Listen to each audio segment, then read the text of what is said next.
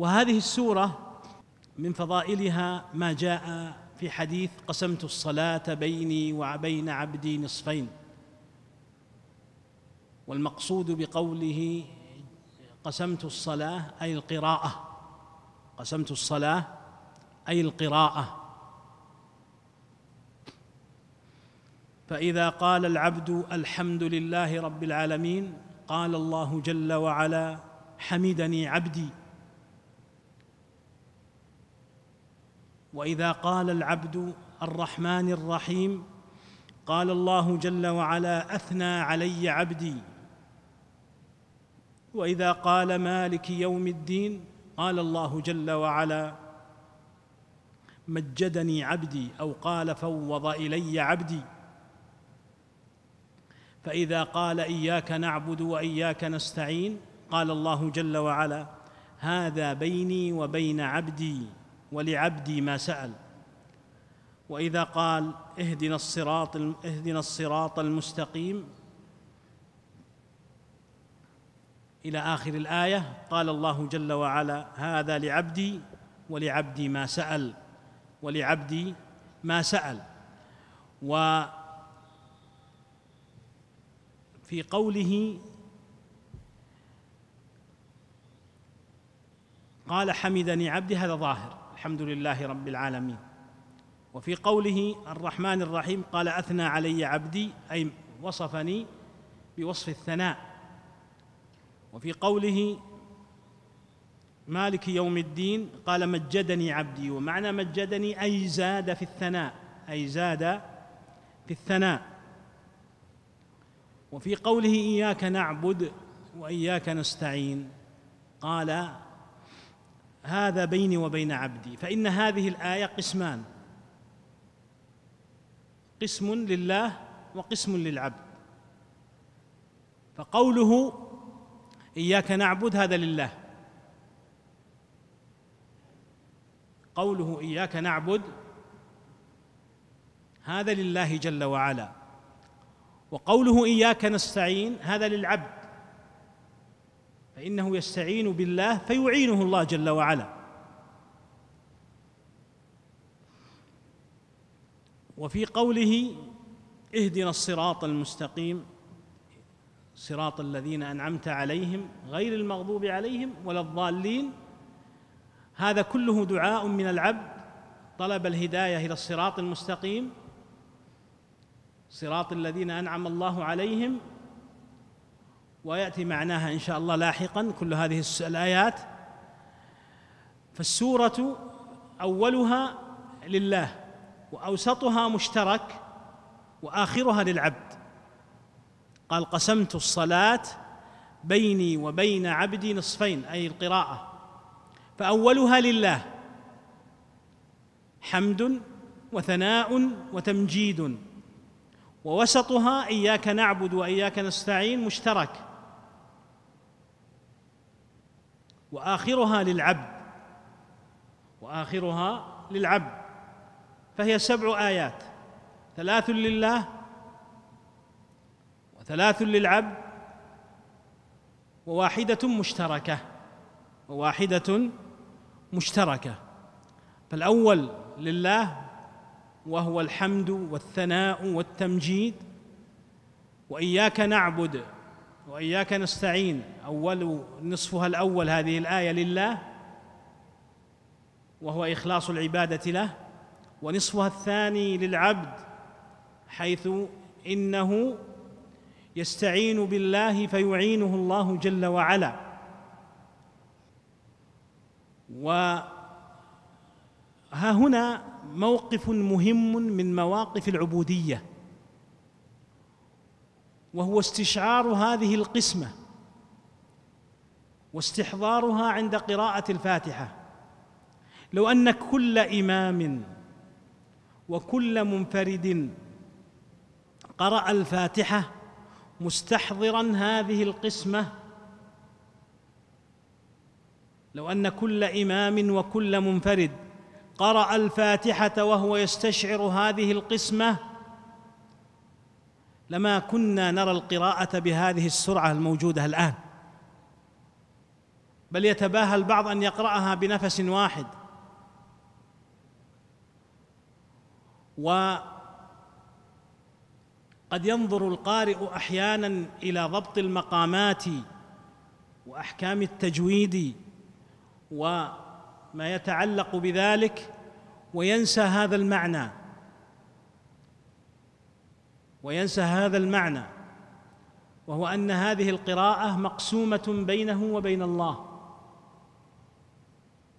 والله جل وعلا العظيم الجبار الكبير المتعال يقسم هذه القراءة بينك وبينه. وأنت صاحب الحاجة وأنت الضعيف وهو الغني وهو القوي. أنت الذي تستفيد من العبادة وتضرك المعصية وهو الذي لا تنفعه عبادتك ولا تضره معصيتك. ومع ذلك يقول سبحانه قسمت الصلاة بيني وبين عبدي نصفين. إذا استشعرنا هذا المعنى ما شبعنا من سورة الفاتحة. وإذا استشعرنا هذا المعنى قلنا كل معاني هذه السورة وكل كلماتها وحروفها وألفاظها بقلوب خاشعة. وإذا استشعرنا هذا المعنى أيضا دعوناه في آخرها ونحن موقنون بالإجابة.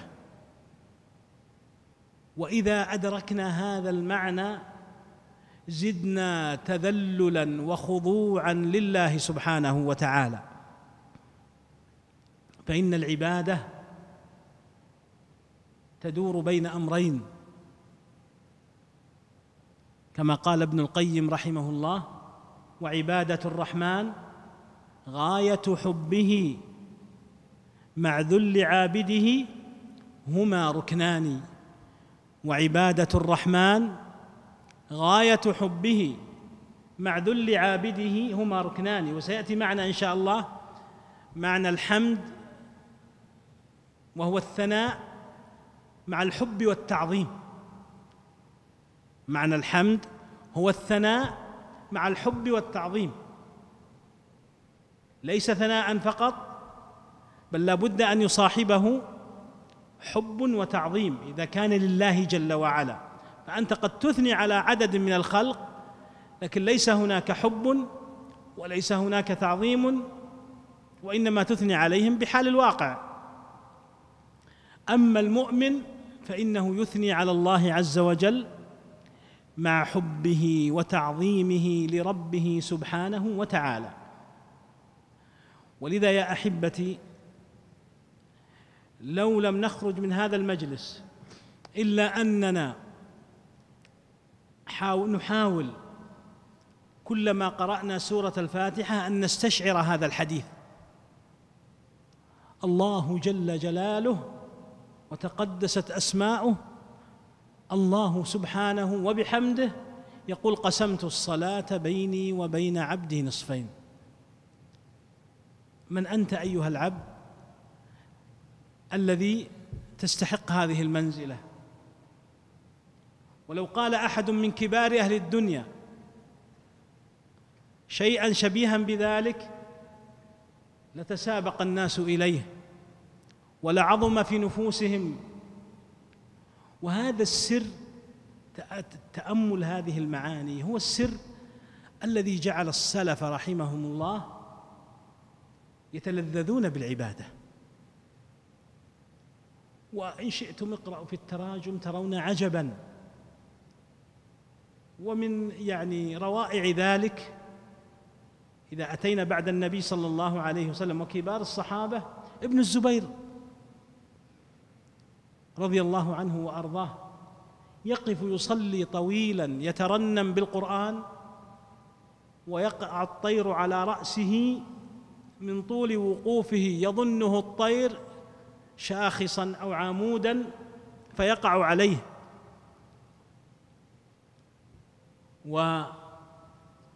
احوال السلف في هذا كثيرة وليس هذا مكان بسطها. لكنني اقولها هنا إننا لا ينبغي أن نتجاوز هذا الحديث دون أن نستشعر عظمته وعظيم أثره وأن فيه نفع لقلوبنا. واصلاح لها. فنحن نسعى جاهدين في طلب العلم وفي العبادة في العمل كله لإصلاح قلوبنا استقامتها في عبادتها لله جل وعلا. وهذا مما يعين كثيرا ومما جرب.